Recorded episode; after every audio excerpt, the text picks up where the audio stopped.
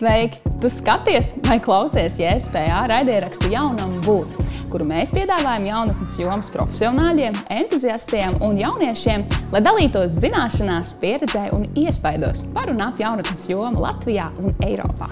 Šajā epizodē mēs runāsim par Eiropas jaunatnes mērķiem. Eiropas jaunatnes mērķu izveidē ir piedalījušies paši jaunieši, definējot 11 tematiskos virzienus, kas jauniešu prāt būtu pilnveidojami un ieviešami praksē tuvāko septiņu gadu laikā un kas ir neatņemama Eiropas jaunatnes stratēģijas sastāvdaļa.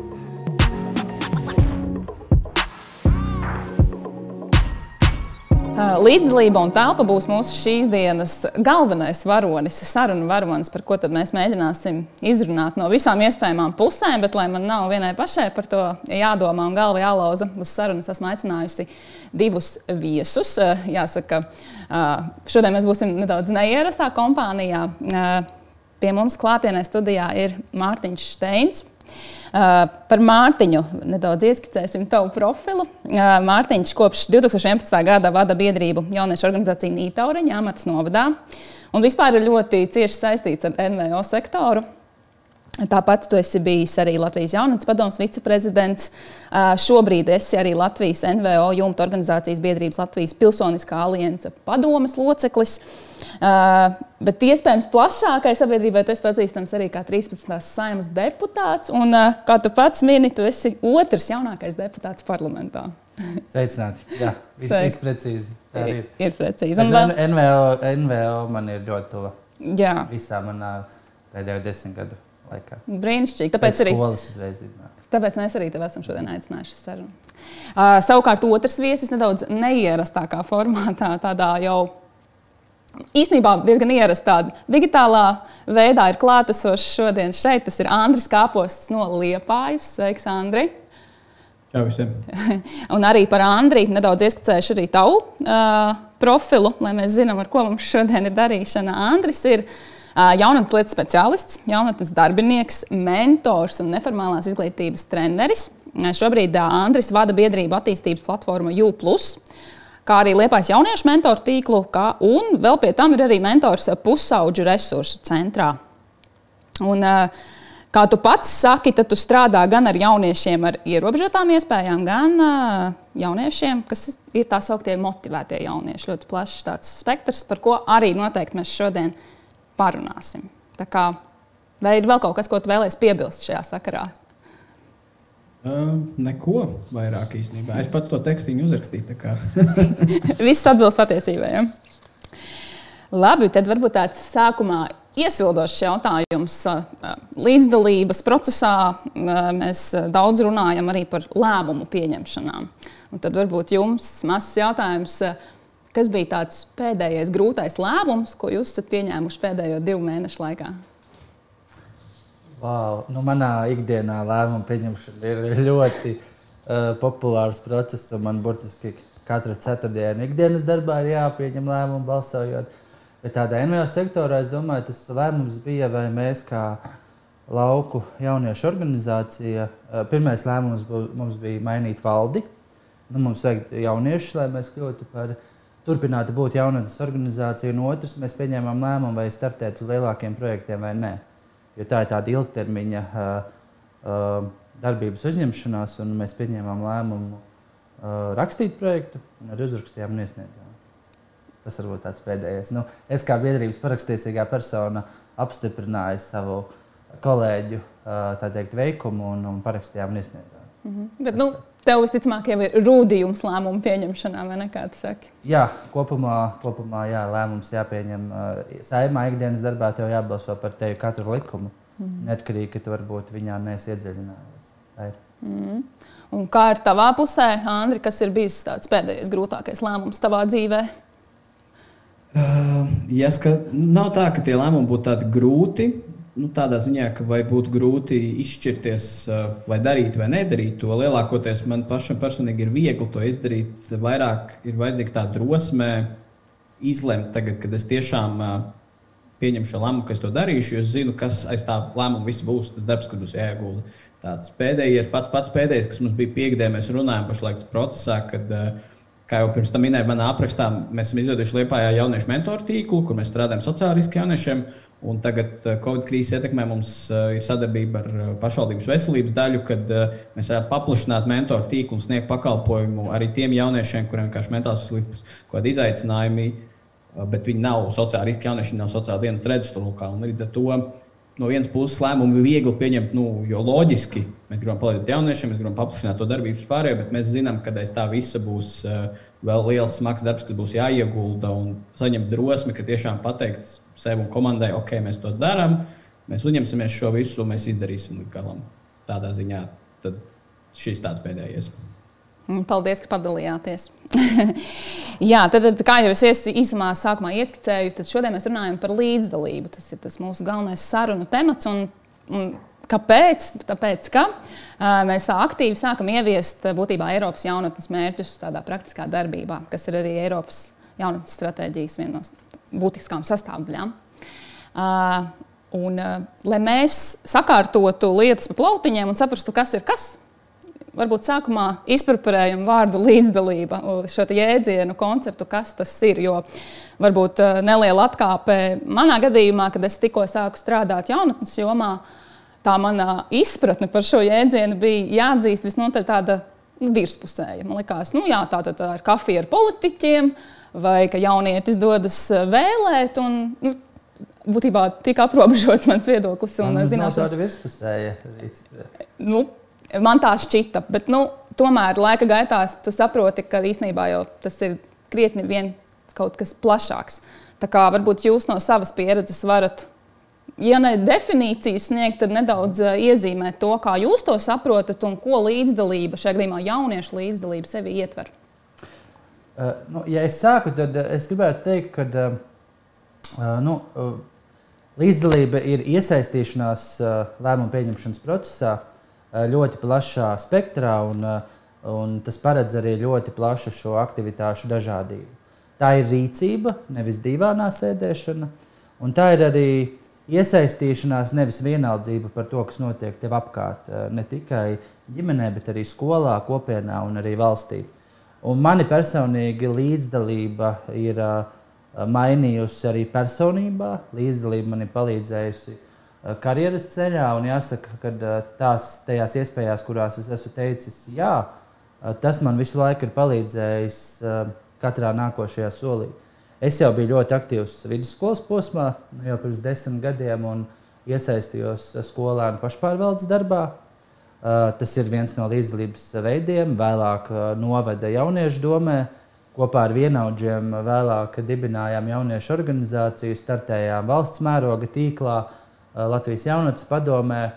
Un, eh, un arī ikdienas procesā tādas mazas lietas, nezinu, esmu parakstījies par neskaitāmām mana balss iniciatīvām, piketējis, pats organizējis eh, sakopšanas talkas un piedalījies brīvprātīgajā darbā, līdz pat ļāvies tādām daudz nopietnākām līdzdalības formām, kas ir dalība vēlēšanās pašam, kandidēšana divās vēlēšanās, dalība politiskās partijas dibināšanā un, un beigās jau arī uh, kļūšanā par saimnes deputātu šobrīd.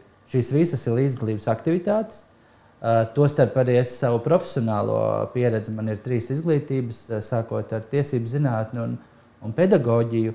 Es arī skolas laikā un studiju laikā ēnoju, arī ēnošana ir līdzdalība, ēnoju tās profesijas, gan žurnālistus, gan politiķus, gan Briselē, gan Latvijā. Un man personīgi šī līdzdalība reāli ir izmainījusi manu dzīvi. Un, uh, un to, kā, kāda, kāda ir mana karjera šobrīd, manos eh, tūlīt jau 29 gados. Mm.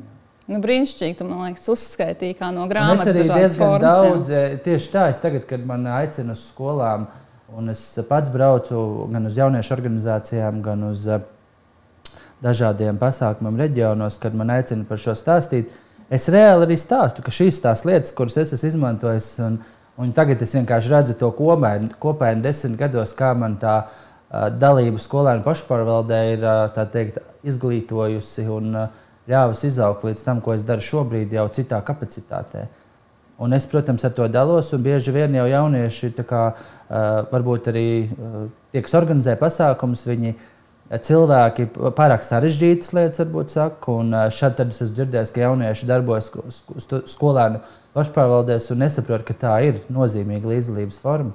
Jo personīgi es uzskatu, ka skolēnu pašpārvaldes kā tāds līdzdalības resurs ir nenovērtēts šobrīd, un es mēģinu aktualizēt šo jautājumu un darīt, turpināšu darīt lietas, lai, lai šo, šo mēģinātu kaut kādā veidā sakārtot un, un stiprināt. Jo kopumā ļoti daudz jau jauniešu arī dara, nu, īpaši aktīvie jaunieši. Un, un tie, kuri varbūt iepazīst vienu reizi, viņiem būtu jāpalīdz atgriezties varbūt kādā citā aktivitātē vēlreiz. Mm -hmm. Bet par to iespēju ļoti daudz. Par to vēl mēs parunāsim. Kā tev, Andri, kā tu saproti jēdzienu līdzdalība? Kādas varbūt ir bijušas tava, tava pieredze šajā ziņā? Man tā pieredze ir īstenībā ļoti līdzīga Mārtiņam, izņemot to, ka es neesmu kandidējis saimnes vēlēšanās, neesmu kļuvis par deputātu. Viss iespējas. Ne, ne, ne liela, bet liela atšķirība. Tomēr nu, Mārtiņš jau ļoti daudz pateicis, ka kā minēja, ka, nu, no grāmatas, ka tās ir tās visas lietas, un ko, ko es uzskatu, ka būtiskākais pielikt vēl klāt tam visam ir, ka tas nav tā vienreiz vai divreiz. Piemēram, tas pats kafijas polkņiem vai kaut kādas tamlīdzīgas lietas. Tas īstenībā ir tāds ļoti ilgtermiņa process, jo es ļoti daudz strādājis to, ka es kādā pašvaldībā sāku strādāt, un tur līdzdalības process vispār nesaprotu, kas ir jauniešu doma, kas ir jauniešu centrs, kas ir skolu, labi, skolu pašpārvalde kaut, kaut nedaudz zina. Un tā izpratne vispār nevienam nav ne jauniešiem, ne lēmumu pieņēmējiem, ne darbā ar jaunatni iesaistītiem. Un, eh, nu, mēs nevaram to atrisināt tagad, eh, uzrīkot vienu lielu foršu pasākumu. Visi tagad sanākam, parunājam. Tad pēc gada uztaisīsim vēl vienu. Neko tas īsti nemainīs. Tas ir mazas lietas katru dienu, Spilgts piemērs bija viens pagasts, kur pagasts pārvaldes vadītājs nāca uz skolēnu parlamenta tikšanos. Viņš paņēma savu krūzīti, maisiņu ar cepumiem. Viņš vienkārši nāca un sēdēja un klausījās. Viņš neteica, ko viņam darīt, ko nedarīt. Viņš vienkārši klausījās.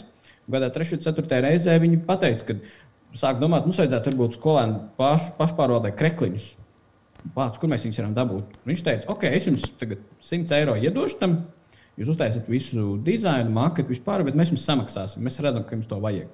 Un tad, kad mēs taisījām jauniešu aptauju tajā pašvaldībā, tikai tajā pagastā uzticība lēmumu pieņēmējiem vai vēl kā, jauniešu viedoklis par to, vai viņi var ietekmēt lēmumu pieņemšanas procesu, bija 3-4 reizes augstāk nekā pārējos pagastos.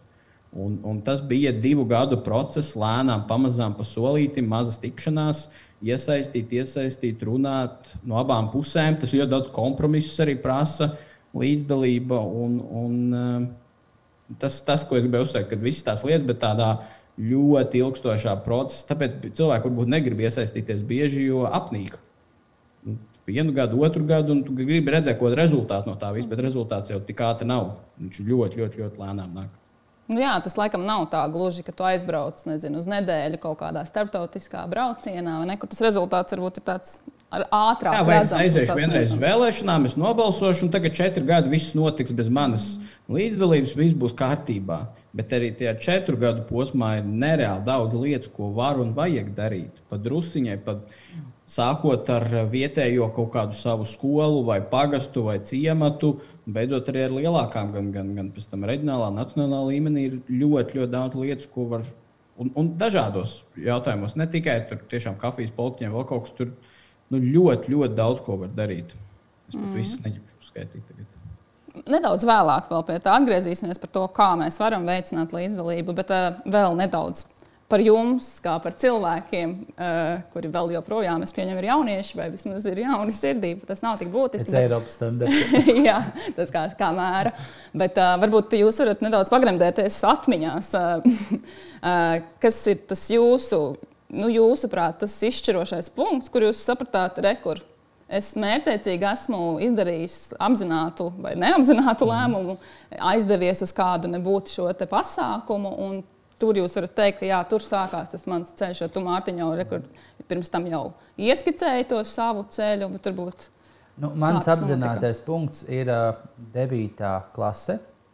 9. klasē mūsu, es nāku no lauku novada Nītauras vidusskolas, joprojām dzīvoju Nītaurē. Un šajā skolā, vidusskolas posmā, varēja darboties skolēnu pašpārvaldē. Un es biju viens no tiem, kas jau 9. klasē gribēja darboties, un es tur palīdzēju veidot skolas avīzi. Un 10. klasē es jau kļuvu par skolēnu pašpārvaldes prezidentu. Tādā ziņā, ka es jau biju arī braucis uz dažādām mācībām un iepazinu šo formu. Un es redzēju, Eh, kad, eh, kad ja tiešām sanāk kopā un foršas idejas ir, tad viņas var realizēt. Un man eh, jāsaka, tajā posmā ļoti nepatika tās atbildes, kas bija no skolas vadības. Atceros, ka nu, mēs gribējām balvas pasākumos vai kaut kādas lietas, kurām vajadzēja arī finansējumu. Nu, naudas nav, mēģiniet citus risinājumus. Un visu laiku bija tā atbilde. Un es agri sapratu to, ka es šādu, šādu atbildi negribu likt par pamatu tam, lai nedarītu kaut kādas lietas.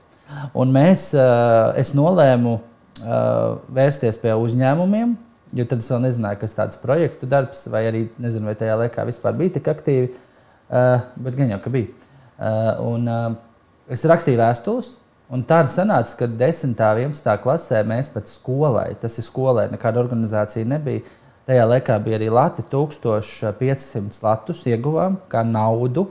Plus vēl dažādas lietas, balvas un tam līdzīgi. Mums bija ļoti forši pasākumi. Mēs arī izremontējām savu skolēnu pašpārvaldes telpu. Un tas bija nu, acis lūpā turpmākajai dzīvei. Pēc tam jau biedrībā Nītauriņa mēs desmit gados tikko nosinējām janvārī. Mēs esam piesaistījuši, mēs esam maza lauka organizācija. Tagad, kad mēs savelkam tos galus kopā un atskatāmies desmit gadu griezumā, mēs esam caur sponsoriem, ziedotājiem, projektiem no pašvaldības kopā tādam mazam pagastiņam, novedam piesaistījuši vairāk nekā 100 tūkstošus eiro ko mēs redzam, ka tā, ka tā sākotnējā deksme un tā kopā būšana, ka mēs ir apvienojāmies vēlāk, nu, kopumā ir nesis rezultāts arī visai tai kopienai. Un, un tā, tā pieredze, protams, ir nenovērtējama. Viņa vēlāk gan man, gan citiem maniem kolēģiem biedrībā ir palīdzējusi arī nezinu, CV ieraksts. Jo ir vairāki gadījumi, kad tiešām šis ieraksts un šīs iegūtās prasmes biedrībā, projektu darbā, brīvprātīgajā darbā ir novērtētas pie darba devēja. Mums ir virs desmit tādi gadījumi, kad, kad arī rekomendācijas esam rakstījuši. Un, un patiesībā tas jau ir svarīgi, jo ja mēs kaut vai vienu jaunieti šādi varam iespējot, tad man personīgi ir, ir liels prieks un lepnums. Un, un es mēģinu darīt. Varbūt jā, es piekrītu Andrim, ka ir lietas, kur jaunieši varbūt ne tik ļoti regulāri gribētu turpināt to savu darbību. Nu, tādas nopietnas iesaistīšanās sabiedriskās norisēs, tur ilgtermiņa plānošana. Viens ir vienreiz piedalīties kafijā ar politiķu šajā metodē un diskutēt aktīvi. Otrs ir pēc tam vērot, kur tās rekomendācijas vai idejas palikušas, vai, vai tajā domas sēdē viņas ir kāds prezentējis vai uzaicinājis jauniešu. Un tālāk ne visi jaunieši to, protams, grib darīt, un varbūt arī nevajag. Bet tādā ziņā, ka šis skolas laiks un, un šī darbs ar jaunietu pašvaldībā man ir ļoti devis tādu atspērienu turpmākajai mm -hmm. dzīvei. Tātad Mārtiņam pašpārvalde skolā, kas ir tavs gadījums, Andri. Kāpēc tu esi nonācis šeit? Man īstenībā bija divi posmi ar tādu pauzi. Pirmais posms, līdzīgi kā Mārtiņam, arī tikai nedaudz ātrāk, jau pamatskolā, jo es gāju tādā lauku pamatskoliņā. Mums bija tikai 9 klases, līdz 9. klasē nebija opcija kaut ko sākt pat vēl. Jau ir. Un, um, bija tā, ka uh, es jau 5. klasē, 6. klasē dzirdēju, ka ir tāds skolēns pašpārvalde, bet es domāju, ka tur iet visi gudrie un foršie jaunieši. Un es domāju, ko tad es tur darīšu, un tā arī negāju. Un tad kaut kā man šķiet, bija tas situācija, kad neviens negribēja iet, un uh, nu, es piekritu aiziet. Un, un, un man tas labi padevās. Un tad pēc tam biju 7, 8, 9 klasē, visus trīs gadus arī skolām pašpārvaldes vadītājs. Mēs organizējām, es tagad atskatos priekš tā konteksta, ļoti apjomīgu, grandiozu pasākumu skolā īstenībā. Un, un, man ļoti labi sanāca būt tam vidutājiem starp pedagogiem, saimniecisko daļu vispār un jauniešiem, kad jaunieši pasaka, mēs gribam to. Un tad es gāju un es runāju ar tiem pedagogiem. Man nesanāca tik bieži saskaties to atbildi, ka naudas nav. Um, lai gan es bieži saskaros, ka naudas ir, nav vai vispār ir ļoti maz. Bet, bet es kaut kādā veidā, pat, ja man godīgi, man pašam sev būtu jāapskaro, kā es to izdarīju, es nezinu. Es neatceros tiešām. Bet es vienmēr kaut kā sarunāju, ka mēs pat dabūjām 30% pa virsmu. Mēs sakām, mums tur vajag tik un tik šokolādes tāfelītes balvām. Viņi mums parasti nopirka bišķiņu kaut ko vairāk pat. Un, un, un tas bija tāds moments, bet tad es aizgāju pēc tam uz gimnāziju mācīties. Un, uh, es vispār gimnāzijas laikā neiesaistījos ne kripatiņu uh, iekšā, nekādā skolā pašpārvaldes vai vēl kaut ko. Uh, es biju vairāk pieslēdzos uzņēmējdarbības izglītībai, vispārējo, bet tad bija moments, kad es vienkārši aizgāju uz jauniešu centru. Un tur es satiku vienu jauniešu speciālistu, kur arī Mārtiņš zina, tādu Renāru, manu Ilavu. Un, un, uh, Es iesaistījos aktivitātēs, un tā tas ceļš man aizveda, ka tad, kad viņš gāja prom no darba jauniešu centrā, tad uh, es aizgāju viņam līdzi uz viņa nevalstisko organizāciju. Un tad es tur kādu labu laiku paliku, un tur tas ceļš arī aizsākās tieši jaunatnes jomā un strādāt uz uh, jauniešu līdzdalību, jo es sapratu, ka man ļoti labi sanāk veidot to vidutāju lomu starp uh, tiem saucamiem lielajiem, vienalga vai tie ir speciālisti, vai tie ir lēmumu pieņēmēji, vai vēl kaut kas un starp jauniešiem, kad rast to kompromisu viņu starpā un atrast kaut kādu zelta vidusceļu, lai viss ir laimīgi un mēs kaut kādu to komunikāciju atrodam. Un, un pēdējos gados tas ir sanācis aizvien labāk un labāk. Mm. Ka jums kaut kādas līdzības. Es sadzirdēju, pašpārvalde ir tāds sākuma punkts, tad jau apmēram tu apgūsti arī kaut kādas projektu lietas. Un, jā, diezgan līdzīgs ceļa gājums jums var būt tikai ar dažādiem reku rezultātiem. Mm. Nu, Andrim ir tas, viņam liela pieredze tieši pašvaldības darbā. Man tāda nav tieša pašvaldības mm. pieredze. Bet, bet, nu, Katram savu aktīvi teikt, mēs esam abi. Es teiktu, puses pusi, jo es tagad jau kādu nepilnus divus gadus nestrādāju vairs pašvaldībā, un es vairs neplānoju strādāt pašvaldībā, negribu. Mārtiņš zina, droši vien, kāpēc. Ne. Uh, Bet, bet, uh, es nekad neteiktu, nē, vēlreiz. es gan teiktu, nē, tā kā pusi uz pusi, bet es vienkārši izbaudīju, pa, pastarpināt abus. Un, un, uh, nu, man kā cilvēkam, kuram vairāk patīk brīvība, man tomēr tādā pašvaldības līmenī grūti strādāt, ka man kāds saka, ko man jādara. Ir. Kā, bet, bet plus ir abos. Un es domāju, ka, ja nevalstiskās organizācijas sadarbojas ar pašvaldību, tad rezultāts ir desmit reizes labāks nekā, ja viena vai otra puse darbojas. Nu, paldies. Ja viens ir, ka, piedod, kad pārtrauc, viens ir kādā pozīcijā, te esi, ka tevi komandē, bet nu, pašvaldību vēlēšanas tuvojas, tu vari kandidēt pozīcijā, ka tu esi lēmumu pieņēmējs. Ai, tur ir garlaicīgi. Izbaudīt abas puses. Nē, nē, tā, tā, tā nebūs mana puse. Tā, tas, tas nebūs ma, mans līmenis. Labāk nesaki, nē. Nu, laikam katram savs esošajā brīdī, vai ne? Un jau kādas iespējas pavērsties tālāk, tad jau jāskatās. Bet uh, varbūt atgriežoties pie mūsu tās galvenās tēmas. Uh, Arī vienmēr ir jau, nu, būtiski paskatīties arī uz kaut kādiem pētījumiem, kas parāda to apmēram to noskaņojumu vai, uh, vai esošo situāciju šajā ziņā. Un tad, uh, Šajā gadījumā es, es atsaukšos uz Latvijas bērnu labklājības tīkla veidoto pētījumu 2017. gada par jauniešu labbūtību. Eh, iespējams, ka tie dati varbūt ir pamainījušies, bet es pieņemu, ka tās tendences varētu būt visnotaļ līdzīgas. Un ko tad mums šis pētījums līdzdalības kontekstā saka? Nav varbūt ļoti pārsteidzoši, bet tomēr ir vērts vēlreiz to izcelt. Tāda iesaiste NVO darbībā, jauniešu centros, arī dalība projektos salīdzinot ar tādām varbūt eh, cita veida aktivitātēm, ir visnotaļ zemākas. Tātad, eh, ja mums ir konkrēti jārunā par skaitļiem, tad 85% eh, jauniešu vislabprātāk iesaistās dažādos kultūras un izklaides pasākumos, vai, piemēram, 62% piedalās skolas un augstskolas piedāvātajos pasākumos. Tātad es teiktu, ka tie vairāk ir tādi. Mm, nu, kur jaunietis vairāk ir kā tāds patērētājs. Tad savukārt tikai 17% jaunieši iesaistās NVO darbībā, 19% apmeklē jauniešu centrus un 24% ir iesaistīti jauniešu projektos. Tātad tā aktīvā līdzdalība, tie rādītāji ir nu, krietni, krietni zemāki. Kā jūs skaidrotu, varbūt šos skaitļus interpretētu? Un tā pašā pētījumā ir arī, ka, diemžēl, mums Eiropas mērogā arī tādas, tādas vienkāršas aktivitātes kā dalība telkās un brīvprātīgajā darbā arī, diemžēl, ir mazākas. Es uh, skaidrotu viena lieta, kad um, šo aktivitāšu organizatori, tātad skolas, jauniešu organizācijas, pašvaldības, līdz galam tomēr nevar, nevar atrast to dzirksti, lai lielām jauniešu, uh, nu, es teiktu, šajā gadījumā pat masām uh, spētu viņus motivēt iesaistīties, jo kaut kādā iemeslā, iemesla dēļ mēs to nu, ne, nemākam. Jo nesen bija vienā pasākumā, un es piekrītu atziņai, ka uh, Nu, bija tāda atziņa, tagad, kad viss notiek digitāli, ka vajadzētu kaut ko pavisam jaunu, pavisam digitālu jau, darbu ar jauniešiem, vai digitālas visas šīs uh, metodas un aktivitātes, bet patiesībā mēs virkni no esošajām līdzdalības formām kvalitatīvi nesam uh, spējuši piedāvāt jauniešiem. Virknē skolu Latvijā, un tā ir liela daļa skolu, nav skolēnu pašu pārvaldes šajā uh, tādā veidā, ka tās ir eh, demokrātiski ievēlētas, paši jaunieši varējuši veidot programmas, kandidēšanas procesu izbaudījuši un nu, tādā atklātā demokrātiskā procesā. Virknē skolu, kad tās ieceļ aktīvākais jaunietis no katras klases vai sliktākajā gadījumā vispār skolas vadība izvēlas tur kādus desmit, un tagad viņi būs tie pasākumu organizatori, kas ir pilnīgi nepareizi. Tāpat arī virknē gadījumu darbs jaunatnes organizācijās pieļauj, ka nav, nav, nu, jaunieši nav izbaudījuši, jo, kā jau minēji, diezgan zems rādītājs, cik iesaistās.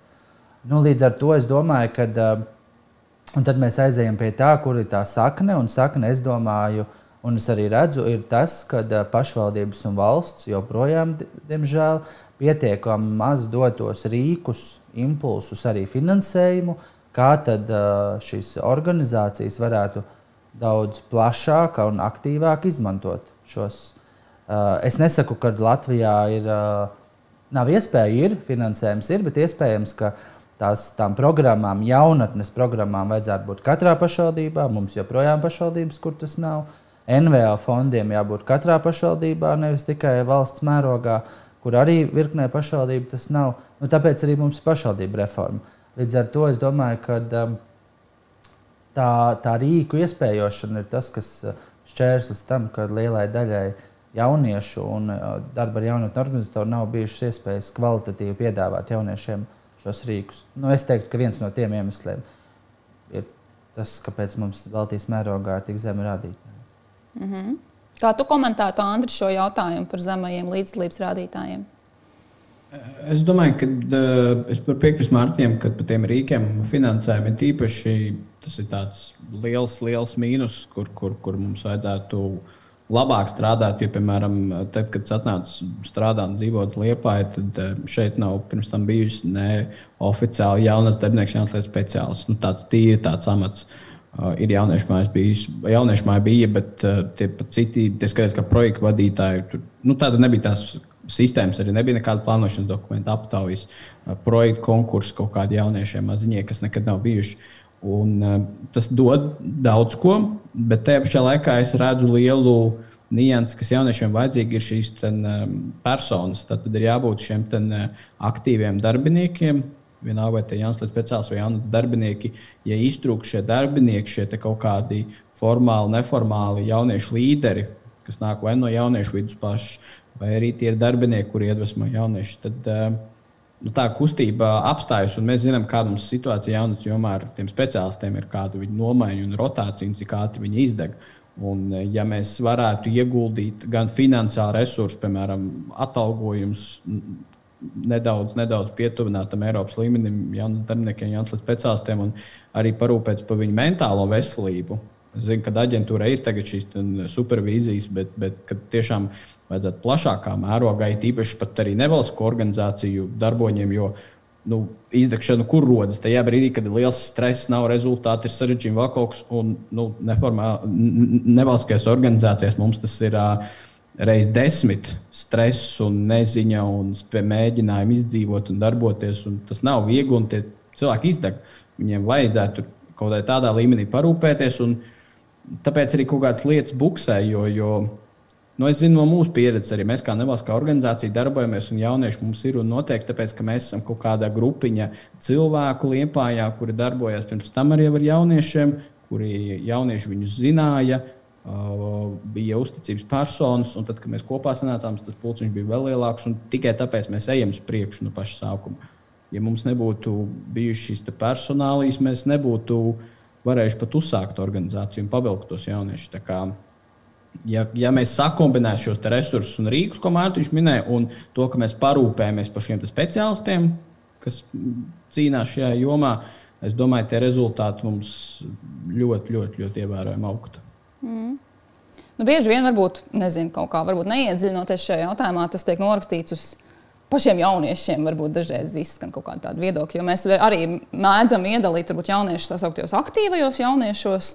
Kuri tad ir tie flagmaņi un piedalās vienmēr visur, kur vien var, un uz kā arī balstās lielā mērā uz viņu entuziasmu, kaut kādas lietas, kaut vai tajā pašā pašpārvaldē. Un tad ir tā sauktie neaktīvie jaunieši. Un kā, ko mēs varam darīt, kā mēs varam veicināt to, lai šie jaunieši satiekās, un, un, un tā atšķirība nav tik liela, un varbūt arī tie līdzības rādītāji attiecīgi arī būtu mums daudz patīkamāki. Nu, manuprāt, tas, ko... Ah, došu. Nu, man, es vienkārši man labs piemērs, ko gribu pieminēt, kamēr es viņu neaizmirstu. Jo, tu, kad Mārtiņš sācis runāt, es iedziļinos tavā stāstījumā, un es aizmirsu pusi, ko es gribēju pats teikt. Labi, pamainīsim secību. Tas bija kā kompliments. Tas nozīmē, ka tu labi runā un tādā ziņā. Uh, mums vienkārši labs piemērs par neaktīviem jauniešiem, kad es uzskatu, ka nav neaktīvi jaunieši. Vienkārši mēs viņiem piedāvājam kaut ko, kas viņiem neinteresē. Pilnīgi. Mēs viņam piedāvājam kafiju politiķiem. Viņš pasaka, ka viņam neinteresē. Mēs sakām, ka šis neaktīvais jaunietis. Nu, loģiski, viņam tas neinteresē. Un mums, piemēram, ir viens cilvēks, tāds Guido Šalms, kas mums ir komandā. Viņš ir treneris. Viņš pats ir ielu vingrotājs. Viņš savulaik ir sācis ielu vingrošanas kustību Workout Generation Liepājā jau piecus vai vairāk gadus. Viņam ir liels bariņš jaunieši, kas pavalkās. Un tur ļoti bieži savācās tas kontingents, kur ir sociāli riska jaunieši, jaunieši, kas steigā apkārt, jaunieši, kur neko negrib darīt, bezdarbnieki jaunieši ļoti daudz. Nu, viņam ir liels tāds klāsts, un viņš stāsta savus pieredzes stāstus. Viņam ir uh, ļoti, ļoti, ļoti interesanti šeit stāsts.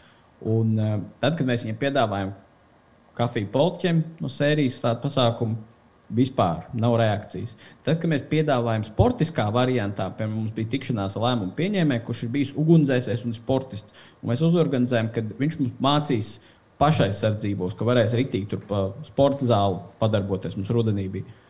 Tad jaunieši nāca, un viņi pēc tam runāja to lēmumu pieņēmēju, un viņi vēl domāja, bāc, tas deputāts tik foršs ir īstenībā. Un mēs viņiem piedāvājam to rīku, kas viņiem interesē. Un tas nenozīmē, ka viņi nav aktīvi. Tas nozīmē, ka vienkārši viņiem apkārt ir lietas, kas viņiem īsti neinteresē. Un tas ir normāli. Kad ir jāpiedāvā tāds plašāks tas spektrs, ko viņiem darīt. Nu, man, mans piemērs ir līdzīgs Nītaurē. Mēs vienkārši pirms pieciem gadiem veidojām uh, hokeja laukumu, cietzemes uh, hokeja laukumu uh, Mums eh, jāsaka, ka 80% dalībnieku, kas nāca spēlēt, un komandās un visādi bija tie, kas ikdienā iepriekš nepiedalījās mūsu pasākumos. Tas, tas sports ir viens no. Līdz ar to arī organizācijām ir svarīgi dažādot šo aktivitāšu klāstu, ja viņiem ir tā kapacitāte. Bet tas, ko, kā veicināt un kā ar aktīviem strādāt un, un mazāk aktīviem, ir šis eh, Andra minētais starposms starp jaunieti un starp to plānu, ko pašvaldībā valsts grib izdarīt. Un tas starposms ir kvalitatīvs jaunatnes darbinieks un jaunatnes lietu speciālists. Ja šis starposms nav, tad nu, ir kaut kādas tādas periodiskas aktivitātes, kur varbūt kāds politiķis vai kāds nezinu, projektu vadītājs uzraksta projektu un norganizē, bet tāda mērķiecīga darbība ir iespējama tikai tad, ja ir šī uzticības persona.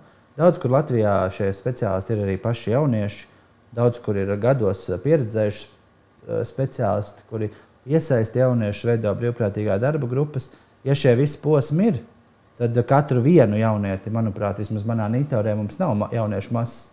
Eh, man liekas, ļoti vērtīgi iesaistīt un, mm. un nu, aktivizēt. Jā. Nu jā, katrā pašvaldībā visticamāk ir kaut kāda sava izaicinājuma, ņemot vērā to apjomu un tā. Bet jaunatnes darbiniekam, visticamāk, ir ļoti liela nozīme. Jā, es vēl pielikšu, ka ir vienkārši jādomā nedaudz arī nu, tajā, kā jaunieši domā, ka mēs viņiem nevaram uzspiest arī to, kas mums. Es, piemēram, es nekad nelieku sevi kā piemēru. Es iedomājos, ja man patīk aktivitāte, tad es viņu neīstenošu īstenībā. Ja man personīgi patīk, jo es zinu, ka tas, es esmu aktīvs cilvēks, es zinu, ka tas, kas man interesē, pusē jauniešu, tas, kas man interesē, pusē jauniešu, vispār neinteresē. Un tāpēc es uh, parunāju ar jauniešiem tieši tiem pašiem, un es saprotu, kas tas formāts, kas viņiem interesē. Un es pasaku, kafija politiķi, ne. Es pasaku, ok, mēs tiksimies ar pilsētas mēru, paskriesim, pacepsim desiņas teltī un vēl kaut ko. Ok, jaunieši nāk. Un mēs dabūjam viņus, un mēs runājam, un tad viņi saprot, ka pasākums foršs. Viņi saka, bāc, es nākušu vēl uz tādiem. Un es gribu vēl runāt un iesaistīties, darboties. Un, un, un nu, jādomā tā, kā viņi ir, jārunā viņu valodā arī.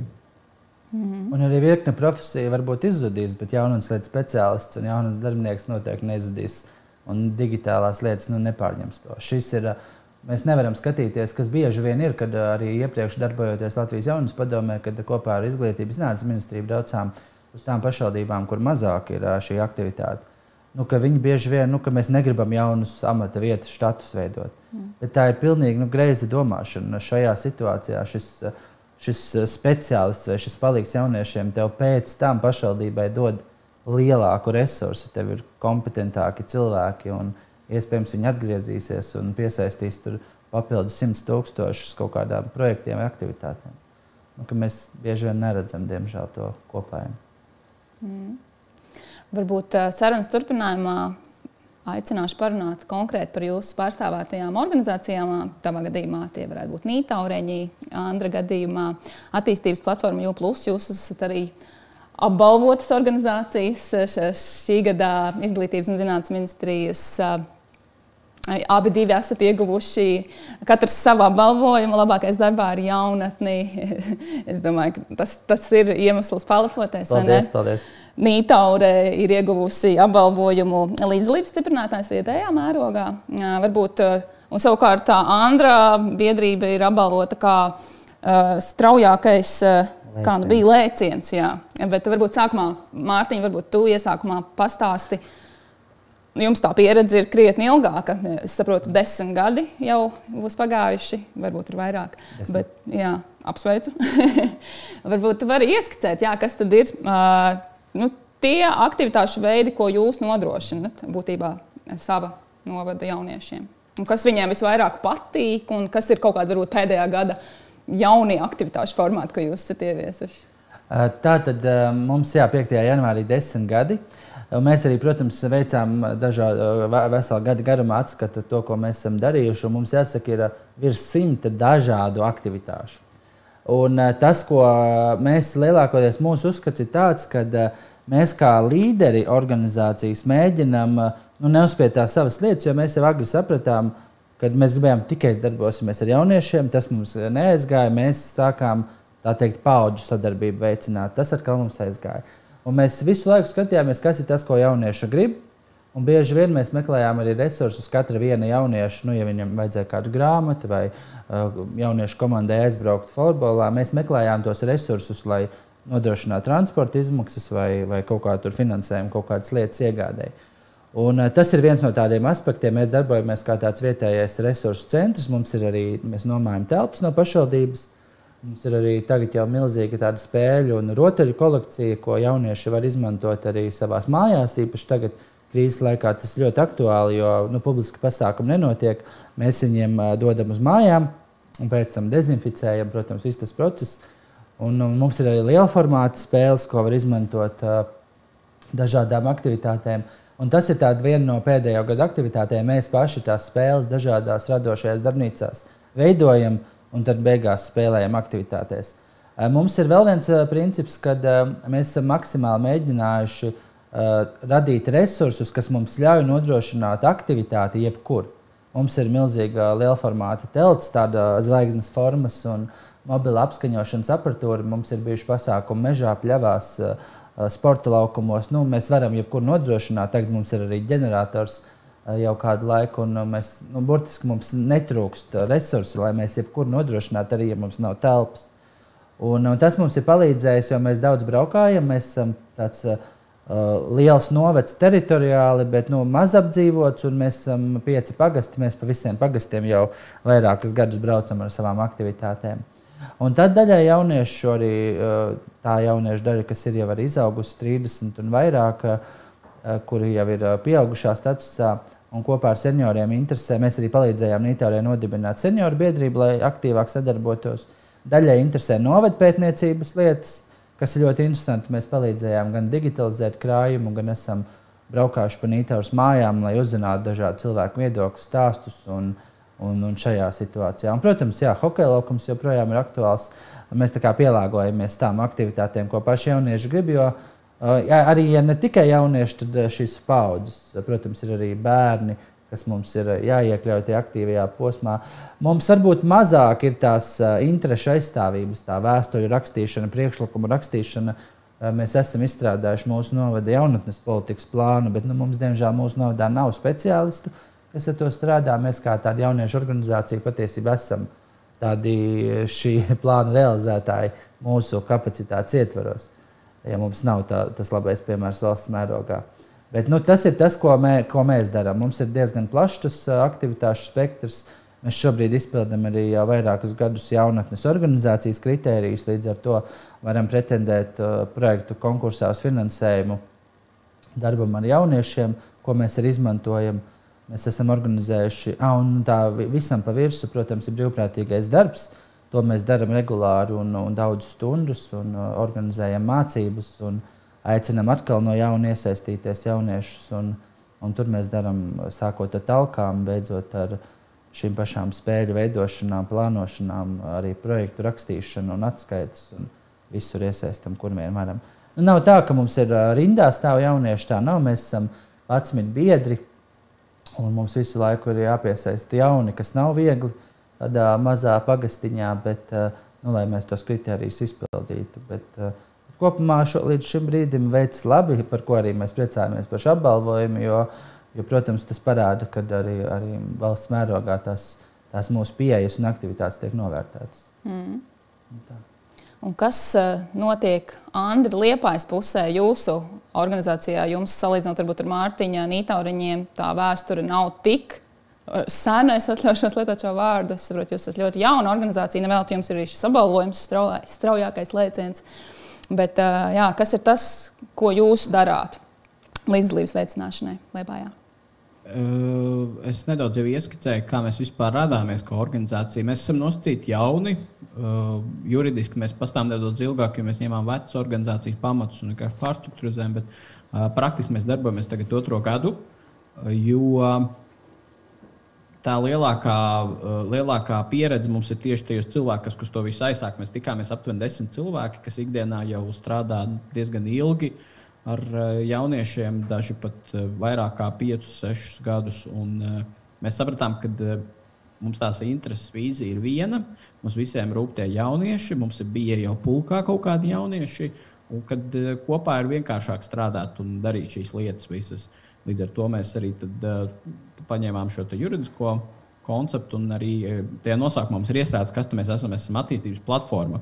Un arī tas nosaukums ir tā doma taisīts, ka mēs esam UPLUS, kad Tad tu kā jaunietis, plus vēl kaut kas, kas tev interesē. Vienalga, kas ir. Līdz ar to tu vari nākt pie mums. Mēs tev palīdzēsim atrast, vai tie ir kontakti, vai tie ir resursi, vai palīdzēt realizēt tavu ideju un tam līdzīgi. Un, uh, tas ir tas, ko mēs esam arī gājuši. Pašlaik mēs arī lepni varam teikt, ka mēs esam Lietpājā lielākā jaunas organizācija, un kurzemē var teikt, no viena no lielākajām, spēcīgākajām. Uh, bet, bet es neuzskatu, ka tas cilvēku skaits varbūt ir noteicušies vairāk tas, ko tie ko tā organizācija dara. Kā Mārtiņš minēja, ka jā, viņiem varbūt nav masas ar jauniešiem, bet tad, kad paklausās, ko viņi darījuši ikdienā, tas ir milzīgs, mežonīgs darbs. Un tas, ko mēs darām, mums ir um, tāds spilgtākais projekts, kas mums tagad ir pēdējais bijis, ir um, politiķis tikai cilvēks, kur mēs izlēmām, ka mēs tiksimies katru politiķu atsevišķi neformālā vidē, tiešām viņu satikt un parunāt. Uh, Pasā, projekts tagad praktiskās aktivitātes tieši tikšanās politiķiem jau februāra sākumā noslēdzās, jo mēs gribējām pabeigt līdz 6. februārim, kad sāksies priekšvēlēšana kampaņa. Un, protams, mums Covid nedaudz patraucējums. Pēdējās tikšanās bija Zoom, tur kvīzi un tam līdzīgas. Nebija tik neformāli un forši, kā mēs bijām plānojuši, bet pirmās, kas mums sākās vasarā, mēs gandrīz noslīcinājām pilsētas mēru nejauši. Mums bija orientēšanās. Mēs pēc tam cepām viņu. Tad, kad pilsētas mērs sēž pie mums slapjās drēbēs un cep ar mums desiņas teltī un runā par to, kā viņa dzīves moto ir bijis Live Fast, Die Young, nu, tad jauniešiem lūst tas ledus. Viņi saprot, ka lēmumu pieņēmēji īstenībā ir tik forši. Viņiem var parunāties, saplānot lietas un vispārējo. Mēs varbūt nākotnē varētu ar saimnes deputātiem visiem arī. Mārtiņ, ko tu saki par tādu ideju? Jo, ļoti forša ideja. Es vispār Tādā ziņā es, protams, savā ikdienas darbā sastopos ar to, ka politiķis ir necilvēks visu laiku, visādi ķēngas un komentāri un tam līdzīgi. Tā profesija daļai paredz to. Bet tad es esmu daudz sekojis tam Andra šiem ierakstiem Facebook, ko viņi stāsta. Arī pats ar kolēģi Rīgas domē arī uzsākām tādu kā Zoom ciklu, piekdienās sarunas cilvēcīgi par politiku. Nu, mēģināt tiešām parādīt, ka tā profesija, nu, ja tu gribi pieņemt lēmumus un esi pieņēmis lēmumu pats būt lēmumu pieņēmējs, nu, tad nav jau citas profesijas. Tad tev tas ir jādara, un ja tu to vari izdarīt eh, godīgi, atklāti un cilvēcīgi, nu, tad jāmēģina par to stāstīt. Jo nu, narratīva tā ir līdzīga kā pašvaldībām vai saimnes deputātiem, ka, vai arī citiem profesionāļiem, arī tiem pašiem jaunatnes speciālistiem, jo ilgāk viņi ir, jo paliek tādi formālāki un viņiem ļoti grūti uh, nu, būt visu laiku runāt ar jaunieti, jaunietim. Draudzīgā valodā, kas nav bieži vien prasta valoda, bet tas ir, lai viņš saprastu, otrs ir palikt tajā profesionālajā vidē. Un līdz ar to, ja tu strādā ar bērniem un jauniešiem, tad tev ir ļoti svarīgi, ka tu nepaliec tikai tajā formālajā vidē un tajā valodā, kas profesionāli, protams, ir ļoti grūti, jo, ilgāk tu strādā tajā vidē. Jā, es gribēju Jā. arī paturpināt šo tēmu par dialogu projektiem. Tad arī programmas Erasmus Plus ietvaros ir līdz šim ir bijusi iespēja īstenot uh, projektu veidu, kas saucās jaunatnes uh, dialogu projekti. Varu nedaudz pačukstēt, ka nākamajā programmā uh, šis projekts veids nedaudz transformēsies, bet būtība jau būs diezgan līdzīga. Arī nosaukums nedaudz pamainīsies. Uh, Varbūt jūs no savas pieredzes varat pastāstīt, jā, ar ko šis mehānisms ir tāds vērā ņemams, ko tas palīdz noskaidrot jauniešiem šādā aktivitātē piedaloties, un ko tas palīdz otrai pusē, kas arī ir tikpat svarīgi šiem lēmumu pieņēmējiem. Kāpēc mēs vispār kaut ko tādu organizējam? Nu, es redzētu, ka šis ir tas valsts veids un palīdzība, ne tikai valsts, tā tad Eiropas Savienības finansējums. Kādā veidā mēs veidojam projektus, lai regulāri nodrošinātu šo līdzdalību uh, tajā posmā, kas ir eh, jau rezultējis ar lēmumu pieņemšanu un finanšu plānošanu. Jo, diemžēl, nav populāri pašvaldībās organizēt uh, regulāras uh, tikšanās ar jauniešiem vai jaunatnes organizācijām, vai regulāri izsūtīt pašvaldības nezinu, saistošo noteikumu projektus un organizēt šīs sarunas ar NVO sektoru. Nu, manā pašvaldībā tas ir retums. Desmit gados nav, man liekas, es neatceros šobrīd nevienu reizi, ka mēs būtu mērķiecīgi aicināti Lūdzu, sniedziet viedokli par šo saistošiem noteikumiem. Mēs esam aicināti uz sanāksmēm, uz dokumentu plānošanu, bet ne tādā ikdienas darbā, kas īstenībā jau ir viena no tādām funkcijām šādām jaunatnes organizācijām un speciālistiem. Un tāpēc es esmu tiešām pateicīgs, ka šādi, šādi uzstādījumi un virzība notiek caur šādiem lielākiem projektu konkursiem, jo beigās jau mēs iegūstam kvalitatīvākus lēmumus iegūt, iegūstam izdiskutētus lēmumus, un beigās, kad tas finansējums aiziet tam, ko šādās diskusijās eh, jaunieši vai sabiedrība ir inicējusi. Manuprāt, ļoti labs tas eh, kopumā, kā tā ķēdītē vajadzētu būt. Tā, es domāju, ka tas tikai jāturpina. Galvenais, lai tas ir vienkārši realizējams, administrējams un kā tāds projekts īstenojams. Ja tas tā ir, tad es, lai tas notiek. Mm. Kā to Andri var pakomentēt šo jautājumu no praktiskās pieredzes, ko šis projekts, nu, šis projekta formāts būtībā, kādu pienesumu tas sniedz manis jau iepriekš minētajām abām pusēm, jauniešiem un lēmumu pieņēmējiem? Es domāju, ka projekta veids ir baigi super. Tāpēc, kad eh, es pats pēdējo divu gadu laikā trīs projektus šādus esmu realizējis, eh, vienu vēl, kad strādāju jauniešu mājā, nelielāku, un tagad mums divi procesā ir un plānos ir vēl un vēl. Uh, Tādēļ, kad eh, pirmkārt, protams, ir tas, ka administratīvi diezgan viegli koordinēt. Mums paši jaunieši viņus koordinē, lai gan tie objekti, projekti nav no tiem mazākajiem, un es tikai viņus pārskatu. Un, un eh, šis viens ir tas, ka mēs tiešām varam būvēt šo dialogu. Uh, otrs, mēs varam viņu veidot ilgtermiņā. Tad mums ir tā, ka mums tagad beidzās tikšanās, ok, mums ir pauze uz vēlēšanām. Tur mēs izstrādājam, izstrādāsim, tad būs varēsim tikties klātienē jauniešiem jaunā vēlētāja rokas grāmatu. Jums mērķis, ka tiešām vēlēšanās piedalās lielāks skaits jauniešu, lai gan grūti to mērīt, jo vēlēšana komisija neievāc datus pa vecuma grupām. Tad eh, līdz ko beigsies vēlēšanas, mums būs atkal jau tikšanās politiķiem, arī Dienvidkurzemes novadā, jaunā, kur mums sadarbība ir.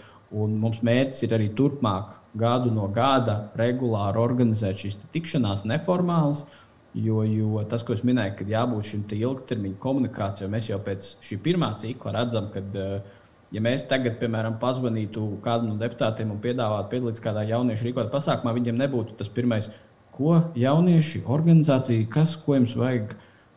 Viņi pat dzird jau par mums, viņi tā, oh, jā, mēs zinām, jums ir forši pasākumi, ir tik super ar jauniešiem. Viņi gatavi nākt un darboties un runāt. Un pilnībā cita komunikācija, pilnībā cits. Un arī no jauniešu puses pavisam. Un mēs to dialogu būvējam.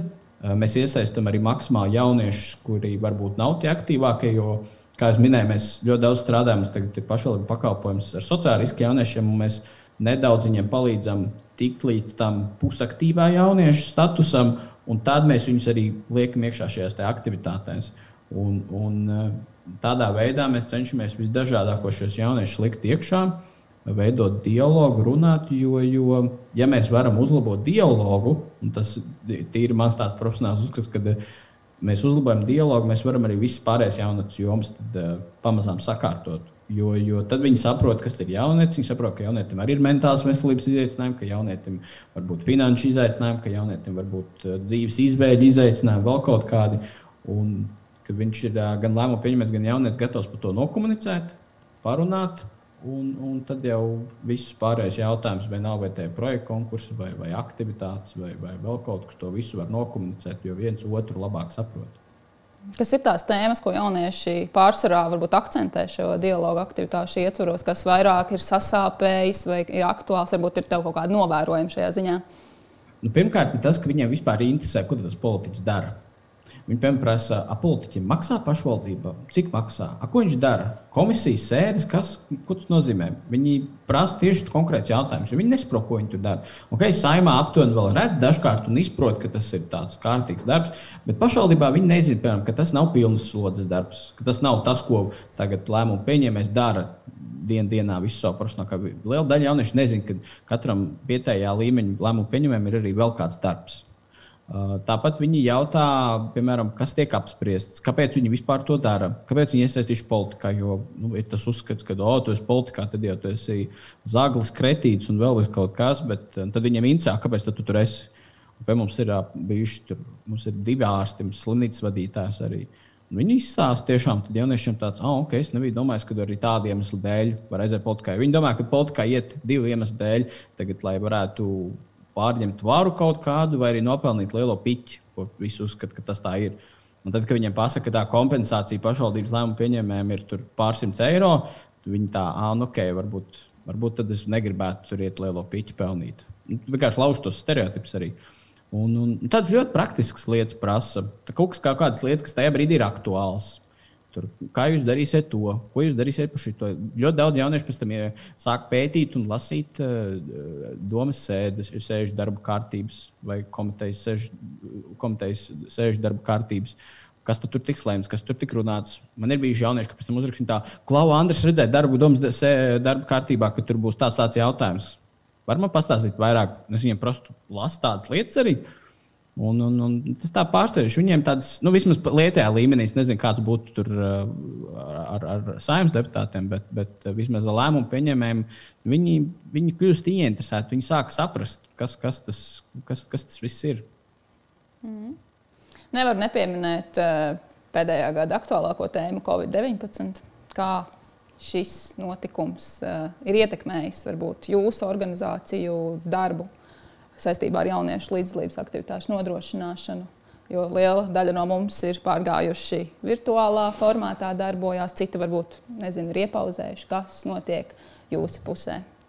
Nu, mūsu gadījumā tas ļoti ietekmējis. Mēs, protams, vasarā vēl varējām šo to klātienē, bet kopumā esam pārgājuši pilnīgi digitāli. Lai gan, protams, mēs, mums ir daudz šo spēļu un grāmatu, kuras mēs dodam. Uh, Tātad satiekoties un dodam līdzi uz mājām. Un otrs ir, ka mēs arī iesaistījāmies. Šis, šī, ir šī kustība paliec mājā gan pavasarī, gan tagad. Un mēs bijām koordinators mūsu novadā un, un blakus novadā kā, kā organizācija.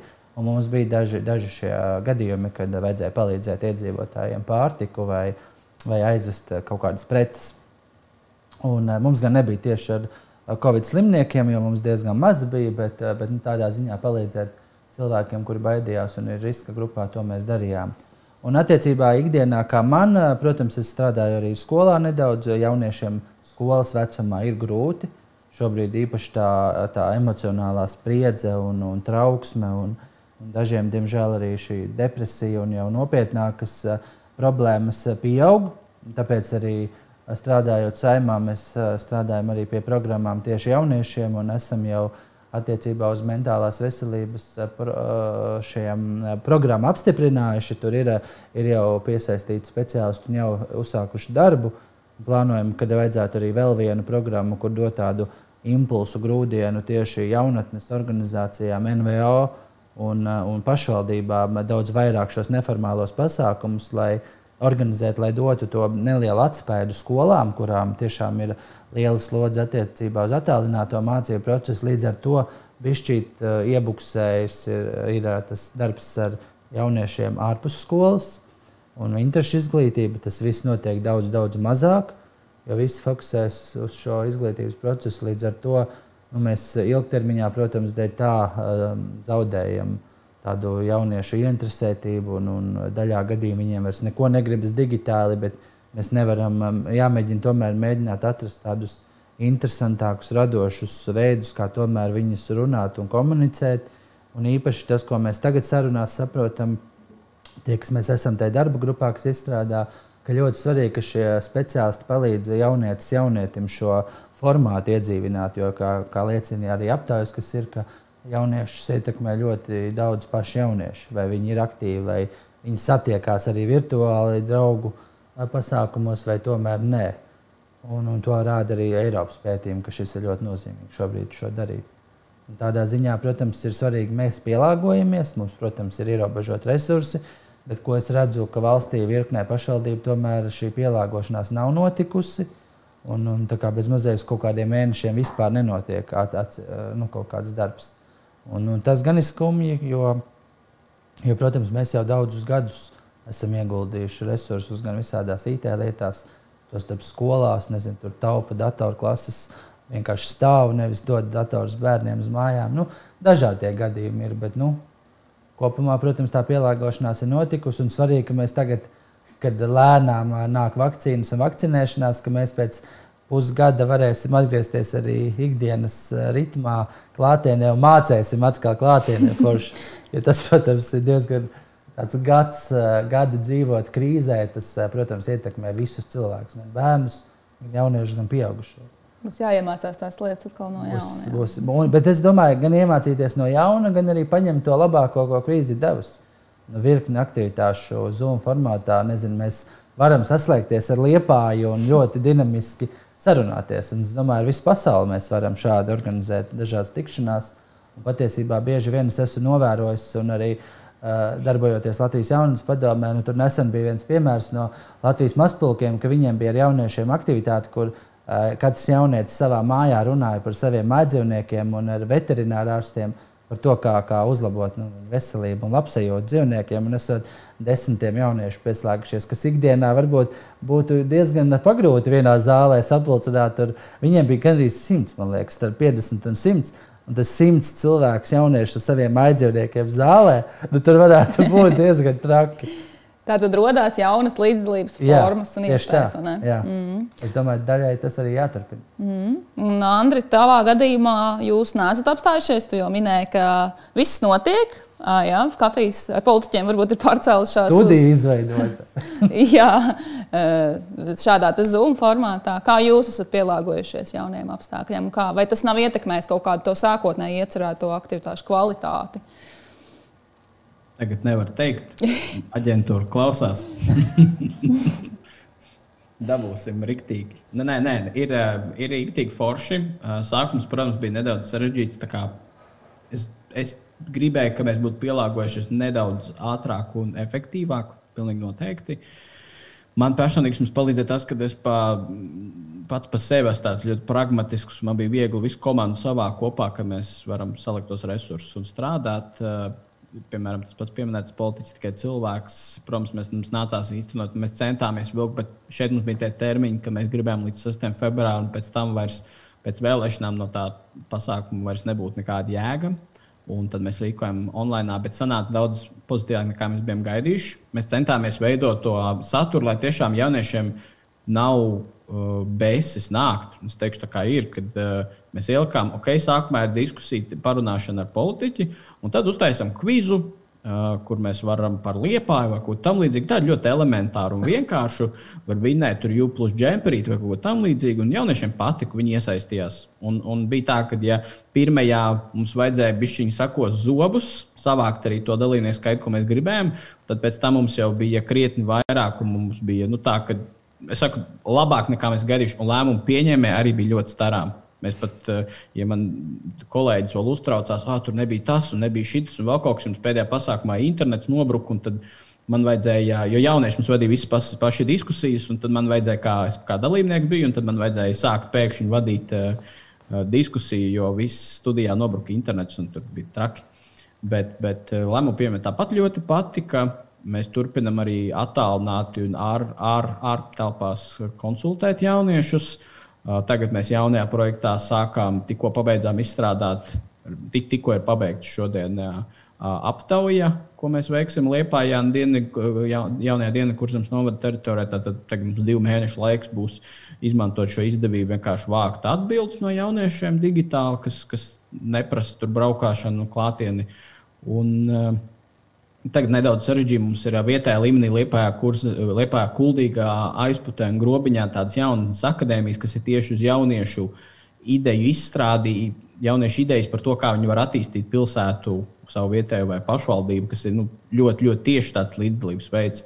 Un tas mums nedaudz ir tā programma sagāzusies ne tā, kā mēs esam gribējuši. Jo jaunieši nedēļu negrib. Jo oriģināli mums tas koncepts bija, ka nedēļu jaunieši nāk kā apmācību ciklā, strādā pie idejām, komandās, un parasti viņš ļoti forši gāja. Bet online jaunieši to negrib darīt. Viņi negribēs veselu nedēļu vakaros slēgties un strādāt. Mēs jau studentiem pagājušajā gadā izmēģinājām, baigi grūti bija.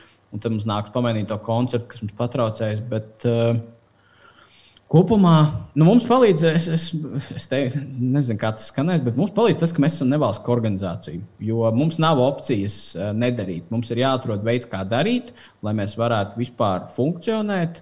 Un, un līdz ar to mēs sēžam, mēs adaptējamies, domājam, ko mēs varam izdarīt tā vai citādāk.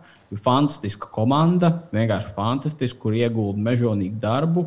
Un, un, un es domāju, ka jā, mums, mums pagaidām tāds hashtag, pie kura mēs pieturamies, tas, kas man's krekliņš jauda, kad mēs vienkārši ejam un darām. Un, un jauniešiem arī patīk, viņi pabalkās uz to. Viņiem patīk, kad vienkārši iet un dara, tad viņi mums iesaistās un darbojas. Mm.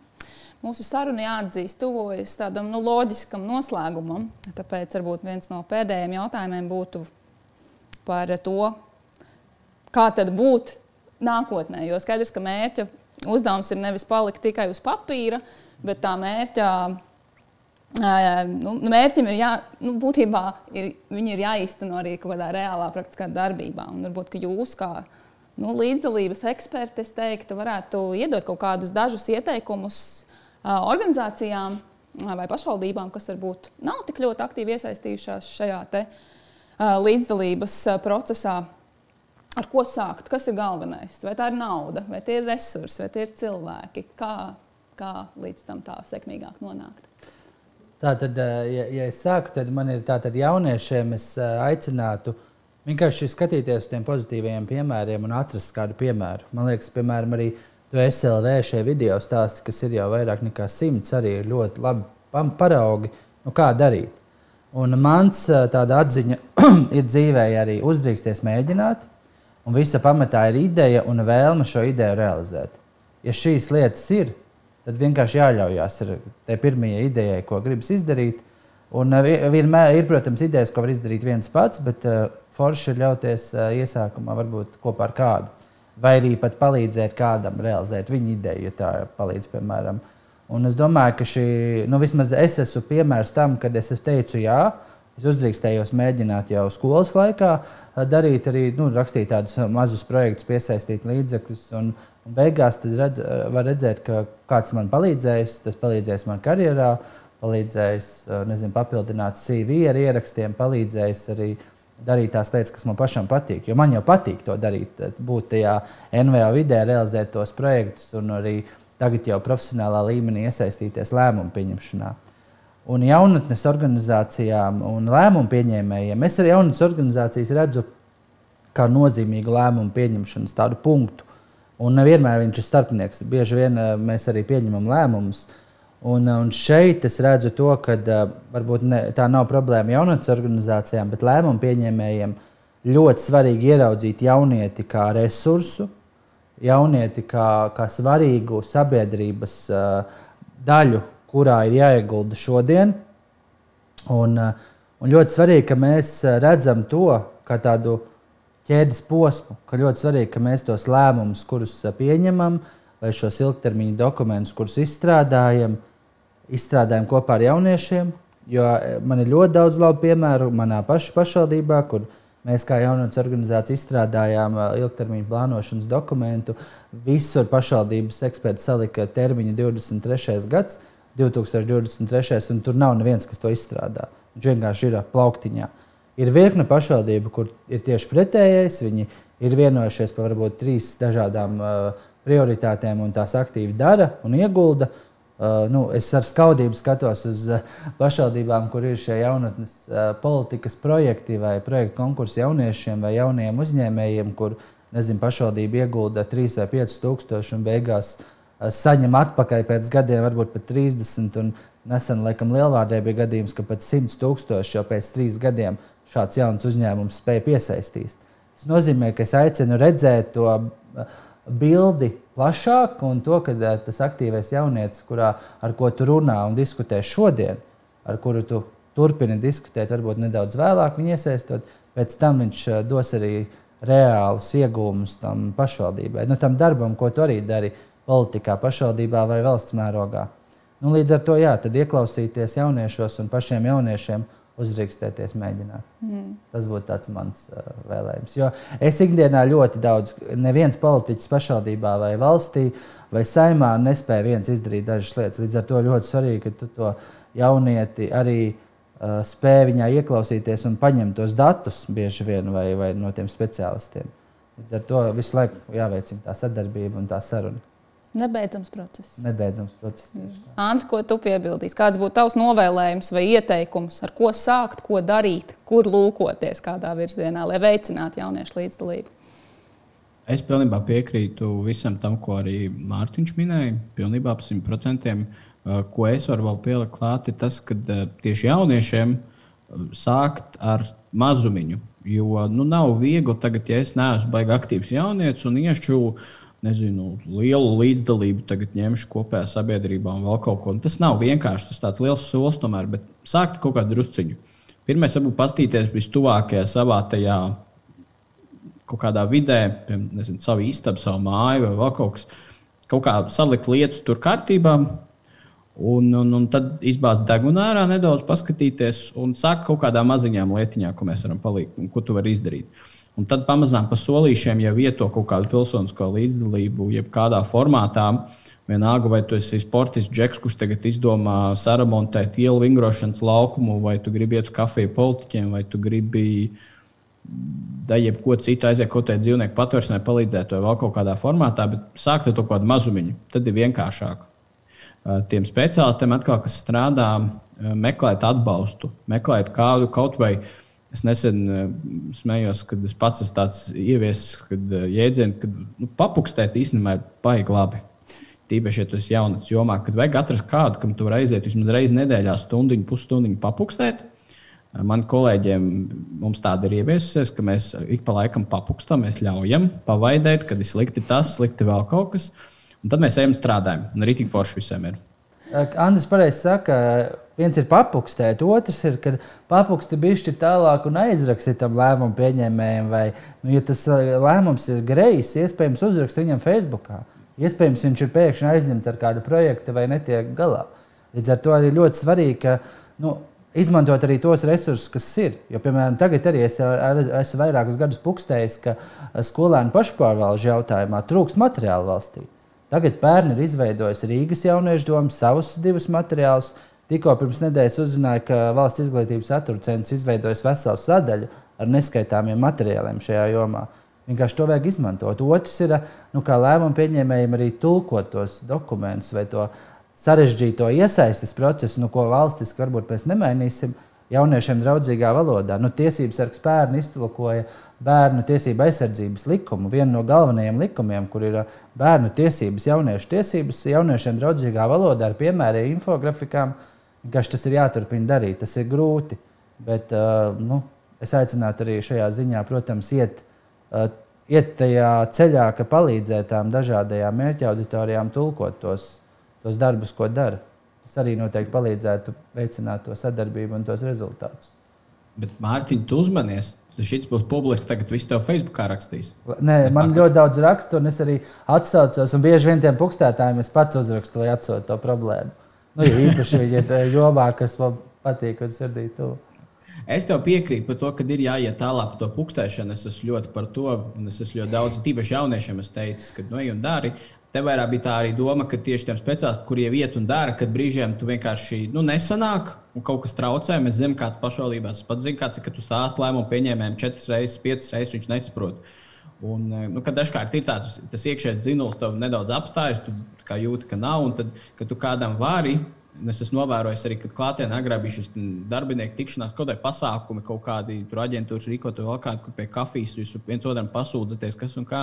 Kad tu tāds nu, jūties nedaudz labāk, kad tu brauc projām. Un tas nedaudz palīdz nu, tiem, kas daudz dara un kad jūt, ka dažkārt nevalk. Atrast kādu šo atbalsta personu vai, vai, vai eh, komandu vai vienalga, kas tas ir, kāds, kurš tevi saprot. Un, nu, mums vismaz komandās ļoti palīdz. Tā ir tāda atslēga, kāpēc mēs varam turpināt strādāt ar jauniešiem, un, un, ar jaudu un nepaguruši. Viss jau būs labi beigās tāpat. Tieši tā, viss būs labi. Nu, nu, re, tad arī norezumējot sarunu, varētu teikt, papukstam, bet darām, jo līdzlības process ir tāds ilgstošs, kā to Andris teica. Dzīves process, dzīves, tieši tā. Tā kā to arī jums abiem novēlu, turpinam darīt lielas lietas, un tad jau varbūt tiekamies kādā citā reizē. Paldies par sarunu! Paldies, Lēs! Paldies! Runāt un domāt par lielām lietām ir labi, taču vēl labāk ir darīt. Tāpēc aicinu ielūkoties jaunatne.gov.lv mājaslapā, lai uzzinātu par jaunatnes jomas aktualitātēm, dažādiem projektiem, mūsu organizētajām mācībām, kā arī citām iespējām, organizācijām, pašvaldībām un jauniešiem. Paldies par vēlmi būt kopā ar mums! Tiekamies jau nākamajā raidieraksta jaunam būt epizodē.